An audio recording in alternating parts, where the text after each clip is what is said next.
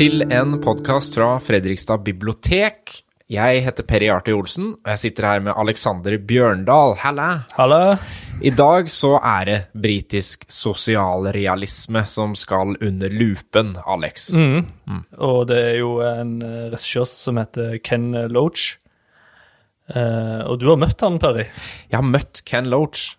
Altså, i en alder av 86 år Ja. så kom han til Fredrikstad, Ja. Til eh, dokumentarfilmfestivalen Nordic Docs, som jo har holdt på i mange, mange år, og hatt veldig mange flotte navn, men jeg må vel nesten si at Ken Loach er det største navnet sånn eh, filmmessig som, eh, Ja. som har gjesta festivalen. Største regissøren fra England, Ja. og kanskje en av ja, beste regissørene i verden. Hvem vet? Vi må jo kunne si det, og det er jo det vi skal snakke litt om i dag. Det, altså, Hvem er Ken Loach, og hvordan er liksom registilen hans? Han er jo en av få, åtte stykken vel, som har vunnet Gullpalmen i Cannes to ganger. Og nominert utallige ganger. Ja, eh, har jo hatt mange filmer i ulike konkurranser, men liksom i hovedkonkurransen da, vunnet to Gullpalmer eh, for Vinden som ryster kornet, Ja. Uh, The Wind That Shakes the Barley. 2006. Ja, stemmer. Og um, I, Daniel Blake Ja. i 2016. Som et, som et ti års mellomrom der, da. Ja. Ja, Så vinner du altså to gullpalmer. Og han har jo holdt på siden eh, slutten av 50-tallet, er det det? Han begynte i BBC Ja. ganske tidlig, og da var det jo liksom TV-filmer og TV-produksjon, og så var det jo da i 65 at han rett og slett lurte BBC litt, gikk ut på gata og begynte å ta opp den første TV-filmen sin, Ja. som ble Up the Junction, Eh, og den handler da om kvinners rett til selvbestemt abort. Ja. Og her er vi jo liksom inne på essensen av Ken Loach med en gang, fordi dette er jo ikke sånn kosefilmer. Eh, Dette er filmer med et politisk budskap som vil endre noe. Han ønsker å, å fortelle en sterk historie som, om samfunnet vi lever i, da, med filmene sine. ja. Og ofte satt uh, den gangs arbeiderklasse. Veldig i det, det man kan kalle arbeidersjiktet eller nedre sjiktet. Det er jo liksom den svake kvinnen og mannen i gata vi ofte møter. Ja. Så han, eh, han blir liksom sånn eh, Ja, talerør for de, på en måte. Ja, absolutt. Han er et talerør for uh, de svake i samfunnet, og ofte systemkritisk. Den første filmen, altså, det ble jo skikkelig furore da den ble vist på BBC. Eh, 400 000 klager på at man kunne liksom vise en abort på TV. Ja, for den eh, Jeg husker det vagt, men det er noe med at foreldrene vil at hun skal ta abort, er det ikke det? Hun blir jo på en måte eh, Der blir hun I den ene filmen blir hun pressa til det. Ja. I, han har to forskjellige. Ja. I den andre filmen så, så er det jo da at kvinner skal ha valget til å ta den eh, bestemmelsen sjøl. Og For der ønsker de ikke at hun skal ta abort. Mm. Så, så i 65 så var jo det ganske heftig, og det førte faktisk til Den filmen starta en kjempestor debatt som førte til The Abortion Act i 1967, eh, hvor at Storbritannia begynte å slippe opp litt på ganske, ganske strenge regler. Vi skal jo ikke langt tilbake i tid før kvinner i veldig, veldig mange land, og fortsatt, ikke har denne rettigheten til å bestemme sjøl, rett og slett. Uh, og så kom uh, Cathy Come Home i 1966. Han fikk jo litt blod på tannene. det, det fungerte jo, det formatet her. Ja, det hadde jo en effekt, kan du si. Hadde virkelig en effekt, så, så etter hvert så fikk han jo lov til å lage en del sånne tematiske filmer av BBC. Og, og Catty Come Home, den handler jo om hjemløsheten som var Det var liksom en hjemløsepidemi i Storbritannia, som tar jo virkelig samfunnet på pulsen. Og det førte igjen til opprettelsen av veldig mange av disse homeless shelterne som er i storbyene. Ja. Og at de som bor på gata, fikk hjelp, da. Så, så han, han drar det jo liksom lenger enn en vanlig spillefilm eh, man ser og koser seg med på kino. Ja. Du sitter alltid igjen med noe når du har sett en Ken Loach-film. Han har jo en spesiell eh, stil. Hvordan vil du liksom eh, prøve å beskrive stilen hans? Ja, altså, Det er jo en grunn til at han ble invitert til dokumentarfilmfestivalen. Ja. Det er helt klart. Det er fordi han bruker ganske mange dokumentarfilmgrep.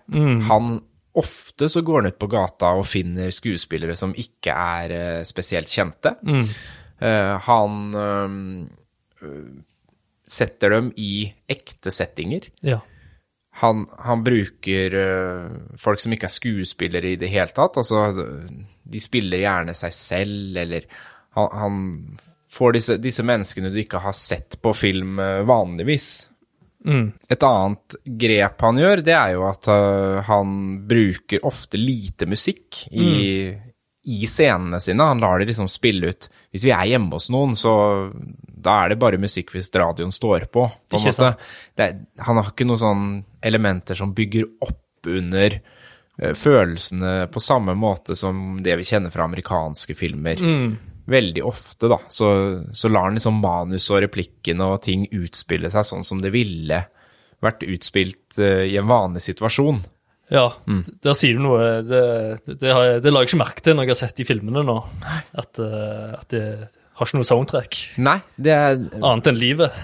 det er, bare, det er bare livet, og det Mike Lee er jo en annen britisk regissør som driver med litt av det samme, men han underbygger ofte med musikk og forsterker følelser med litt dramatisk musikk. Ja, litt sånn Så- klassisk eh, ja, uh. ja, litt sånn klassiske overganger, og ja, hvis, hvis en replikk blir levert, så over i neste scene så spiller musikken opp, ja. på en måte. Mens uh, hos Ken Loach så går vi bare møysommelig videre. Det er jo, Du nevner jo Mike Lee. altså De går jo litt sånn hånd i hånd.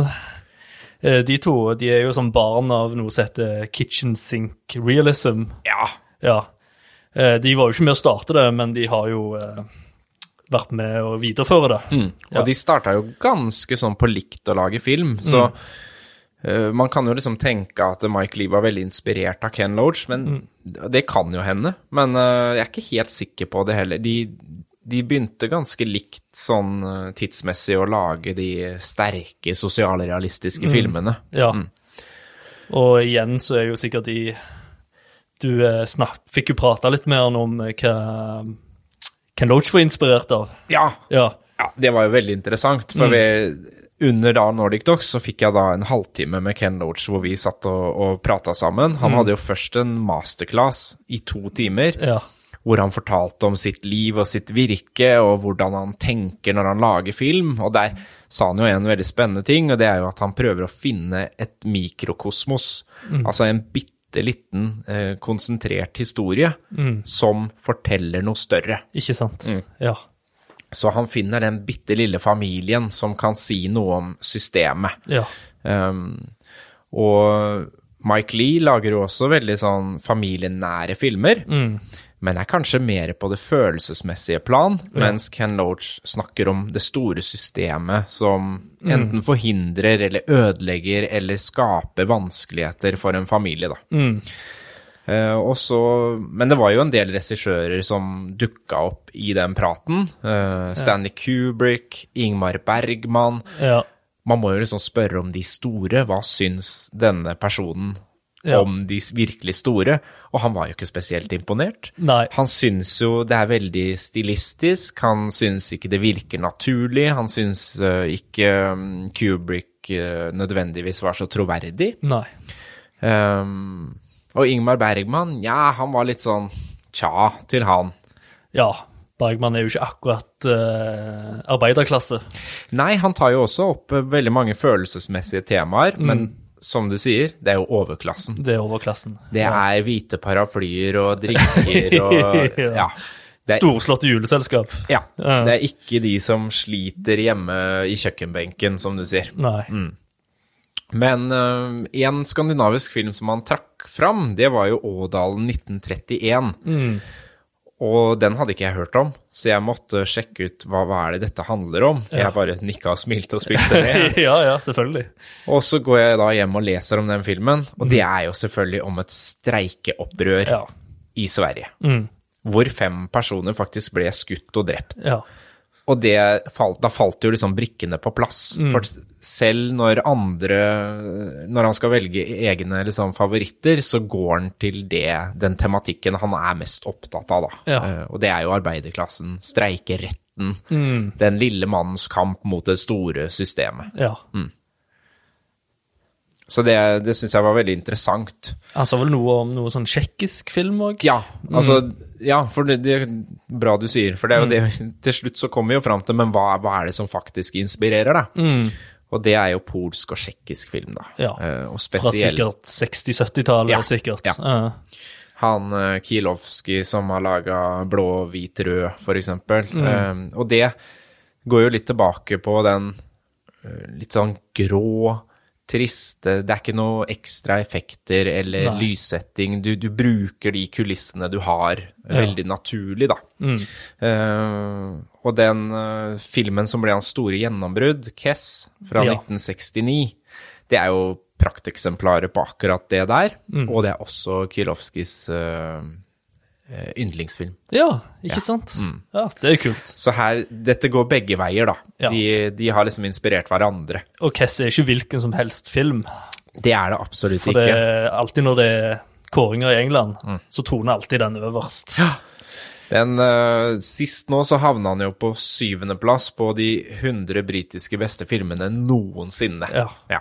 Og det er jo ganske mange bra. Ja, det er, det er mye å ta der. Så- Det er mye å ta der. Ja. Men eh, det er jo da mer kritikk av eh, skolesystemet. Ja. Det er Kess. Kess handler jo om en eh, gutt som eh, ikke har kommet inn på den skolen han helst eh, kanskje burde gått på eller kunne gått på, for han har ikke scora høyt nok på en sånn nasjonal test, som gjør at han blir liksom satt i en lavere klasse enn de andre, da. Og lærerne er jo ganske brutale. Ja. De har ikke noe tålmodighet, det var ikke noe pedagogikk på den tida der, og Nei. det var det i hvert fall ikke i England. Nei. Så og, og det skildres jo veldig realistisk. Det er jo én kjent historie fra den filmen da, hvor de gutta det handler om, har um, gjort noe ulovlig. Ja. Blir kalt inn på rektors kontor. Og så sier da Ken Loach til de at dere, nå skal dere jo bli slått med spanskrør, men han kommer til å stoppe rett før dere treffer hånda. Og så ruller han kamera, og han eh, som skal slå dem, han er da rektor på en annen skole. Han kan dette her, han gjør det hver dag. Ja, han er en rektor på han ekte. er en ekte rektor, Ja, ikke sant. og han limer til, han. Ja. Og så betaler Ken Loach dem litt ekstra etterpå, for han ville ha den ekte reaksjonen Mm. av hvor vondt det gjør å bli slått, slått med spanskrør. ja. Og det er jo litt sånn ekstremt på én måte, Mm. og samtidig det der dokumentariske igjen, da, med at du får akkurat den uh, følelsesutbruddet som du Det blir veldig ekte. ja. Mm. Det er det han streber etter. Ja. Han gjør det jo For de som ikke har sett filmen, så må dere holde for øra lite grann nå, men eh, den, det handler om en gutt som får et nært forhold til en tårnfalk. Og den eh, fuglen, den dør jo til slutt i filmen. Og da lurte også Ken Loach eh, hovedkarakteren til å tro at fuglen faktisk var død, Ja. for å få et ekte emosjonelt eh, utbrudd, da. ja, det er voldsomme eh, virkemidler, da. Det er voldsomme virkemidler. Og samtidig så fortalte han jo i den masterklassen at på filmsettet så er det aldri noen som hever stemmen. Det er aldri noen som har dårlig tid. Hvis noen gjør en feil, da tar vi tagningen på nytt igjen. Ja. Altså en veldig sånn medmenneskelig eh, og dynamisk kreativ prosess Ja. når han lager film. Ja. Men så har han noen sånne triks, da. Ja. Og han tilbakeholder jo også mye informasjon. Mange av skuespillerne får ikke lese hele manus. De, det blir avslørt ting underveis i scenene. De får kanskje beskjed om at uh, nå, skal du, nå skal dere spille ut en scene. Bare reager sånn som du ville reagert på nyhetene. Og så viser det seg at øh, moren er død, eksempel, eller ja. Så, det, så det er jo Han gjør en sånn en del grep for å få de ekte følelsene fram på film. Ja. Men Kess, da er vi på 70-tallet, er vi ikke det? Ja, 1969, Ja. og ble liksom det store gjennombruddet ut, ut på 70-tallet, da. Ja. Ja. Og så lager han jo film på film på film ja. gjennom 70-, 80- er helt, og 90-tallet. helt utrolig mye En stor katalog Ja. han har levert. Så, så det å liksom få sett alt er nesten Ja, det er et lite livsprosjekt. Ja. Mm. Men vi fokuserte jo på tre filmer, da. Det gjorde vi. Vi hadde jo en filmvisning av Sorry, Sorry We Missed You Mm. i bibliotekets aula. Og det var jo det var veldig spesielt. Ja, en ganske sterk reaksjon fra publikum. veldig. Ja, Det var tårer, og det var det var det. Gjorde Så det var jo, vi snakka jo om Kess, og vi snakka om uh, Sorry We Missed You og I, Daniel Blake. Ja. For det var jo sånn uh, i 2014 at da sa egentlig Ken Lodge at nå har jeg laga min siste film. Nå er jeg fornøyd. Eh, og det er jo ikke så rart. Med nærmere 100 filmer eh, under Ja. beltet over en veldig lang karriere, Ja. så har man jo fått sagt mye. ja. Og så skjedde det da et regjeringsskifte i England, hvor de konservative tok over, og Ja. det begynte å skje en del ting med sosialhjelpa. Mm. Og da kom Ken Loach ut av dvale igjen, Da fikk han blod på tann. rett og slett. Ja. Og da lagde den da gullpalmevinneren I, Daniel Blake. Ja. En av de sterkeste filmene jeg har sett. Den er ganske heftig. Ja. Ja. Og han som spiller, han er vel ikke skuespiller, han eh, hovedrollen der? Nei, han er jo egentlig en standup-komiker, men Ja. han hadde aldri gjort en filmrolle. Nei. Og han spiller bare helt utrolig bra. Han gjør det, og det er jo Selv om han, det er veldig alvorlig, men han har liksom den der den lille humoren, Mm. så du merker at det er, ok, han er komiker, liksom. Ja. Og den jeg kaller det sånn britisk svart eller galgenhumor, da, Mm. som hele tida ligger som et sånn underlag i den filmen. Mm. Eh, Det er jo en eh, håndverker Ja. som eh, skader seg. Ja, en enkemann. Så han har jo på en måte ingen. Nei. Og han skader seg og blir fanga i et system hvor han er litt for sjuk til å jobbe fullt og litt for frisk til å motta stønad. Mm. ja. Og, men skal søke på jobber, men kan ikke ta jobber. Altså, Og kan er- ikke data. kan jo ikke data, Nei. og alt er bygd opp etter at du må levere søknaden, og du har bare 20 minutter på deg, og hvis du ikke gjør det, så må du begynne på nytt igjen. Ja. Så han, han blir jo fanga i et sånn kafkask eh, univers, da, mot. Ja. systemet, hvor Ja. det alltid er en ny du skal prate med, eller ny Altså, reglene endrer seg hele tida. Ja. Det er på en måte som Paradise Hotel i, i Ja. velferdssystemet. Det, Ja. bare, det bare kommer inn nye folk som kaster deg til sida hele tida. ja. Og så får han en jobb, men han kan ikke ta jobben. Nei, det er, og det er jo sånn utrolig frustrerende. Ja. Uh, han er jo også en sånn ja, veldig Han har jo veldig selvrespekt og Mm. er liksom en ærlig, redelig arbeider, og ønsker jo å arbeide. Men for å få penger, så kan han ikke det, og da, ja Det er den evige runddansen da, som Mm. Ken Loach klarer å beskrive uten mye forklaring. Mm. Vi er jo bare med som flue på veggen på sosialhjelpsmøter, på jobbsøkerprosesser, ja. Så man på en eller annen måte klarer å vise hvor rigid og vanskelig systemet er. Og så, ja, på den annen, eh, an, andre siden så er det jo òg Viser det òg veldig med sånn medmenneskelighet blant de, de som sliter, da. Mm. De støtter hverandre og De støtter hverandre, og så er det jo noe med det menneskelige for de som jobber mm, i For han får jo kontakt med Absolutt. Ja. Det, er jo, det er jo, og det er jo det som er styrken i Ken Loach sine filmer, syns jeg, da. At du, du møter en i system Det er systemet som er problemet. Mm. Menneskene som jobber der, gjør det de kan for å hjelpe. Ja. Men de som er over, de sier hele tida at nå må du passe deg at du ikke kommer for nærme. Du skal ikke ha private samtaler med den du hjelper. Du skal være en robot, liksom. Ja. Det menneskelige er tatt bort Ja. fra systemet.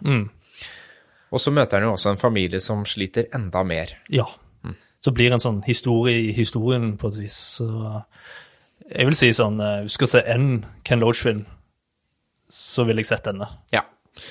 Jeg er enig i det. I, Daniel Blake er, eh, er en veldig, veldig god film. Og så følger han jo da opp eh, med den samme tematikken, egentlig, i Sorry We Missed You Ja. fra 2019. Der er det jo en annen håndverker, en eh, yngre familiefar, som ønsker å starte for seg sjæl, egentlig. Men han blir del av en gig economy, og gig economy det betyr at du påtar deg en jobb hvor, du, hvor de leier deg inn for en tjeneste. Ja. Så han er jo da budbilsjåfør, men han har ikke noe arbeidskontrakt. Nei, de frister med at du kan være din egen sjef. Ja. Ja. Dette er jo den amerikanske drømmen gone wrong, rett og slett. Eh, og det er jo satt i et system som gjør at hvis du er på jobb hver eneste dag og rekker alt du skal gjøre hver eneste dag, da kan du tjene masse penger. ja. Men hvis du er borte en dag, eller hvis du har en tragedie i familien, eller noe som gjør at du ikke kan stille til akkurat det som er forutsatt, forutsatt, da har du ikke noe sikkerhetsnett. Ikke så bra for familie, småfamilie, småbarnsfamilier. Det går, ikke, det det, vet Nei. du. Dette vet vi. Ja, dette dette vet vi alt om. Det går ikke. Du må kunne stikke av til barnehagen innimellom. Og det, det, det blir jo ganske fort Så det, altså, Sorry We Missed You er jo nesten en thriller. Ja. Fordi at Ken Loach klarer uten noe dramatikk, Mm. bare ved telefonsamtaler eller ting som blir sagt, Ja. å gjøre det helt sånn ulidelig spennende. Ja. Hver gang han setter seg i den bilen, så er jeg livredd for at han skal krasje, for det har han ikke råd til. Nei. Hver gang han kjører feil, så er jeg livredd for at han ikke skal rekke å levere den pakka. Ja. Altså, det er jo som en sånn 24-TV-serie. er det. Og han bare skviser denne stakkars familien. Mm. Uh, så det er jo Oi. Og så er det jo òg selvfølgelig uh, Kona jobber jo som uh, sykepleier, eller hjelpepleier. Ja. Og der får jeg òg inntrykk av at det er sånn privat.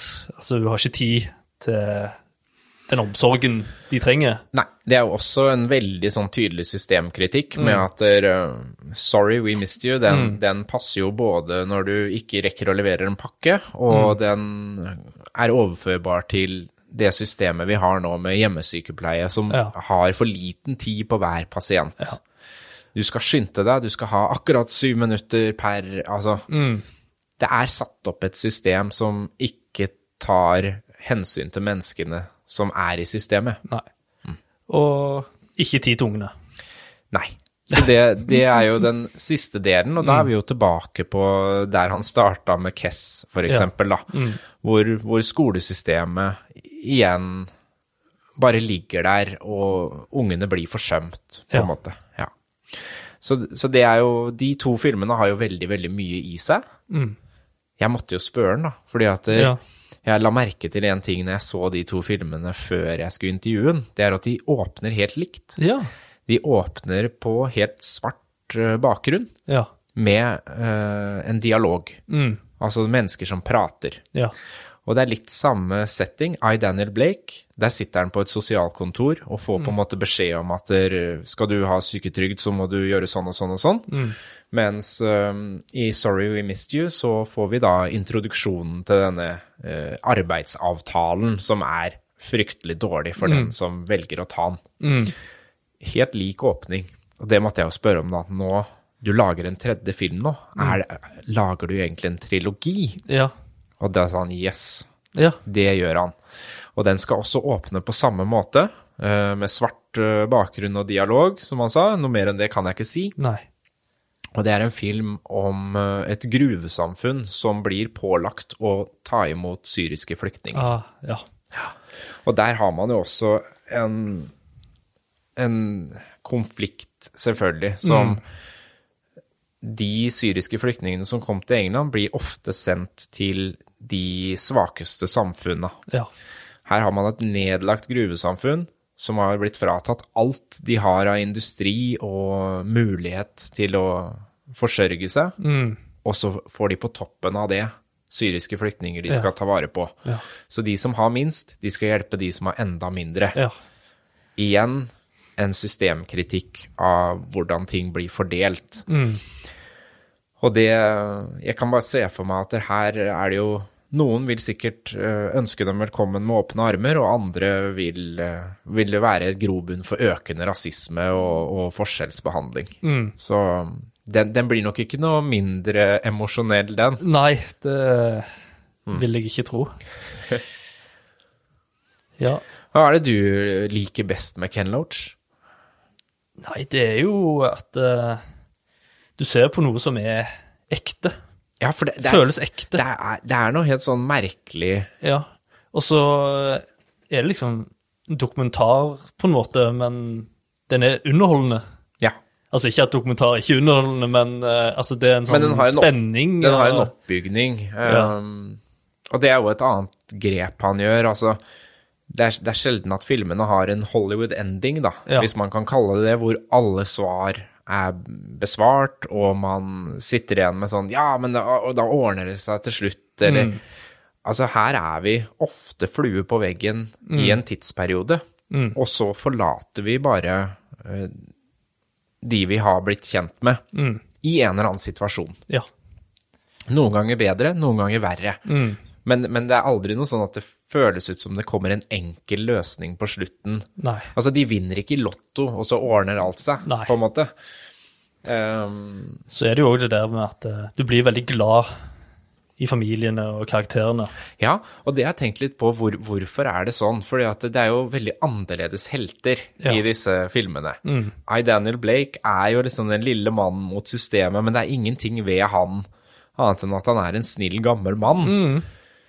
Så, så hvorfor klarer han å liksom bli helten vår? Og det tror jeg er fordi at Ken Loach er så god til å eh, gi de feil og mangler. Ja. Altså, det menneskelige igjen. Mm. Man, man sitter på en måte sjøl og tenker at, vet du hva, i den situasjonen der så tror jeg det hadde blitt nok for meg òg. Ja. Mm. Selv om jeg hadde prøvd å holde tilbake, selv om jeg hadde prøvd å vise Altså, han Det er noe med å bare vise fram mennesker på skjermen Ja. som jeg tror gjør at de, man heier på dem og blir glad i dem på en helt annen måte enn når Tom Cruise redder dagen eh, i Top Gun, på en måte. Mm. Nei, og så er de De er jo gode mennesker som bare Og pliktoppfyllende, som bare vil gjøre en god jobb. Ja. Og det går rett inn. Ja. Så ja. Og så er jo Ken Loach fotballfan, da. Det, eller han må jo være det. Ja, for han, eh, i alle filmene jeg har sett, så har det vært eh, enten en lengre fotballscene eller eh, en samtale om fotball. Ja. Og det er jo gøy, da. Det er kjempegøy. Men hvorfor akkurat fotball? Ja, nei, det er et veldig godt spørsmål, da. Han brukte jo faktisk eh, fotball, og ikke minst Erik Cantona Ja. fra Manchester United, som utgangspunkt eh, da han lagde 'Looking for Eric'. Mm. Hvor eh, liksom superkjendisen Erik Cantona spiller seg sjøl. Ja. Men det er jo en film som handler om liksom fagforeningens kraft, og hvordan den kan være med å endre en situasjon, da. Eh, Det er vel kanskje den eh, letteste filmen hans. Ja. Så hvis man vil begynne litt sånn mykt, så er jo, og er glad i fotball, Ja. så er jo 'Looking for Eric' eh, en god start, da. ja. Og i Kess er det jo òg en lengre eh, fotballscene. Ja, den er jo helt, helt legendarisk, med en, eh, en lærer som virkelig eh, har proffkarrieren eh, Ja. i, i drømmene sine. Film og Han skal jo ikke En annen morsom fun fact om, om Kess er jo at han som spiller den ene snille læreren Ja. Det er ikke mange av dem, det er bare én. Han uh, har jo senere vunnet Oscar for oh. beste manus. ja. Klarer du å gjette hvilken film? Eh, Er den beste Er den eh, for beste film? Ja, den vant vel også beste film, tror jeg. Ja. Eh, det er 'Løping på stranda' i slow motion. Dun, dun, dun, dun, dun, dun. 'Chariots of Fire'. Ah, Ja. ja. Som òg er engelsk eh, film, ja. Yep. Mm. Så det er litt morsomt at uh, han som spilte da læreren, han gikk uh, senere hen og vant en Oscar for uh, beste manus. Og så er det òg Tilbake til fotballen. Det er jo ikke Altså, fotballen er jo fra arbeiderklasse, ikke sant? Så det kunne ikke vært cricket eller eh, Nei, det er også polo. et, et godt poeng. Ja. Og det er klart, eh, når man ser på klubbene, da, så, valgte han kanskje Manchester United fordi det er jo en gammel industriby, og det er en gruveklubb. Ja. Det starta med spillere som var i gruva, og som sykla til trening, selv Ja. om de var proffe. Ja. Så sykla de. eh, De fikk ikke lov til å bli kjørt, eller ja. Det har eh, Fram til nå så har det jo vært en arbeiderklasseklubb, da. ja. Og så er det òg en eh, 90-tallsfilm det heter I Am Joe, tror jeg Ja, ja, den har ikke jeg sett. Nei, der er det òg en fotballscene der, de, eh, der det er et eh, bedriftslag eller noe sånt som kommer med De har alltid tysklandsdrakt. Med Beckenbauer Ja, ja. alle Og så kommer det andre laget plutselig med tysk eh, fotballdrakter akkurat lik. Helt lik. Ja, så det blir eh, Komplett kaos. Ja, så de må ta av seg draktene og spille bare overkropp. Og det, det er jo faktisk en annen sånn suspensscene som er veldig morsom òg i Sorry We Missed You, hvor han skal levere en pakke til en som er Newcastle-supporter. Og de begynner å krangle. Ja. Og da òg Det er jo veldig morsomt å høre på, men samtidig så blir jeg jo kjemperedd for at hva om han Newcastle-supporteren ringer sjefen Ja. og sier at vet du hva, jeg møtte det budet ditt, det kan du ikke bruke. Ja, Han sa altså helt forferdelige ting om fotballaget mitt. Altså, ja jeg tenkte at det, det er så mange det kunne som, skjedd. Ja, det, det kunne skjedd.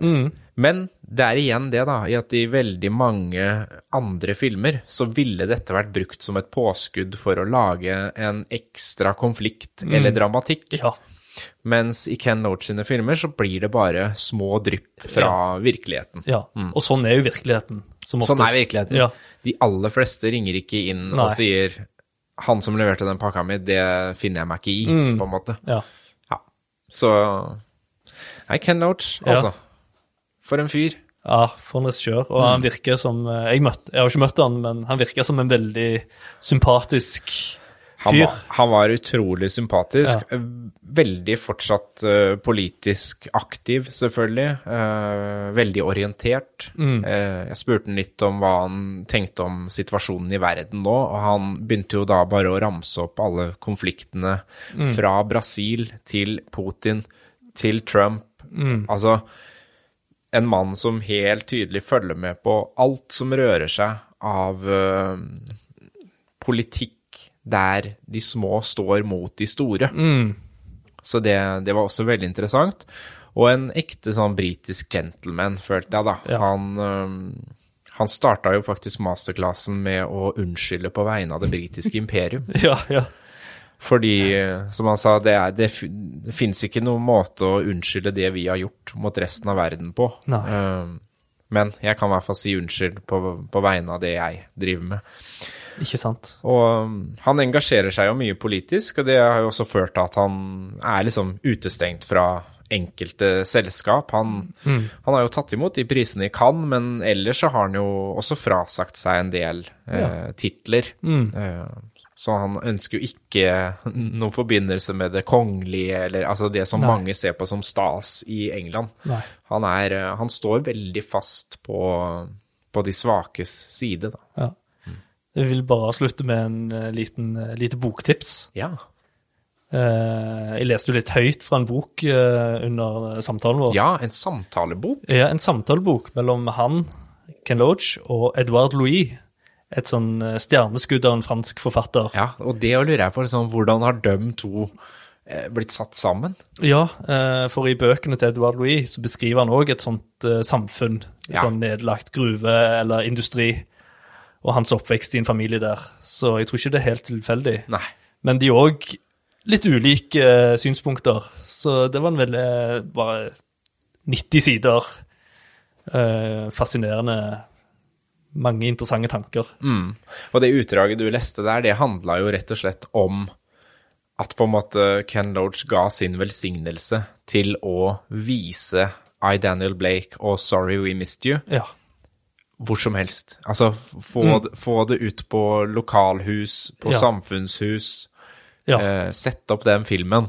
Nå husker jeg ikke tallet på antall visninger, men det var mange, mange visninger. Utrolig mange. Ja. Ja. Så det viser jo at spillefilmen har en Effekt. effekt. Ja. Og apropos litteratur og det skrevne ord, så bruker jo også Ken Loach det faktisk i filmene sine. Med graffiti. Ja. ja. Det var jo Jeg hadde ikke tenkt på det før du sa Har du tenkt på at det liksom i begge, både I, Daniel Blake og Sorry We Missed You, så brukes det som et grep? Ja. Ja, det er jo eh, Det bruker jo han eh, Danny Blake. Han eh, skriver jo Utfører det Nav-kontoret. Mm. Og sønnen i huset i Sorry Me Miss You, han er jo graffiti, så jeg tenker det at det er sånn De som ikke har noe stemme, de Det er liksom siste Ja da, de, de blir jo ikke hørt i systemet, Nei. og de blir ikke hørt eh, digitalt. mm, Så det er det å skrive det rett på veggen, Ja. på en måte. eh, Og uttrykke seg og bli sett. mm, Og det er det filmene til Ken Loach handler om, å, løfte Det- de menneskene opp. Det er akkurat det. Og så ligger det jo Det ligger jo en del Ken Loach-filmer på Cineast. Du kan jo selvfølgelig låne dem fysisk eh, her på biblioteket òg. Mm. Men skal vi ta bare en sjekk på hva som eh, ligger her? Du kan altså se både I, Daniel Blake og Sorry We Missed You, som vi har snakka mye om nå, på Cineast, helt gratis. Bare logger deg på med lånekortet ditt. Mm. Og det ligger også en dokumentar som heter The Spirit of 45, Mm. som liksom handler om når man skulle bygge opp eh, det sosialdemokratiske samfunnet i Storbritannia. Mm. Det er litt sånn sånn Gerhardsen bygde Norge uh, i, eh, Ja. i britisk form. Uh, Land of Freedom og Root Irish ligger også her. For han har en del eh, Han har ikke bare sosialrealisme, han har en del krigsfilmer òg. Ja, det har han. Og det er jo også veldig sånn politiske filmer. Ja. Så um, Fra spanske borgerkrigen, for eksempel. Og, ja. mm, Og den og irske Ja. eh, frigjøringskampen har han jo også vært innom flere ganger. mm. Skal vi si at det er eh, tipset for i, for i dag, da? Ja, vi kunne holdt på lenge her. Absolutt. Men, eh, Jeg tror det er, eh, det er en fin avslutning å si eh, Finn noen Ken Loach-filmer på Mm. Cineast, og kos dere så masse til neste gang vi prekas. Mm.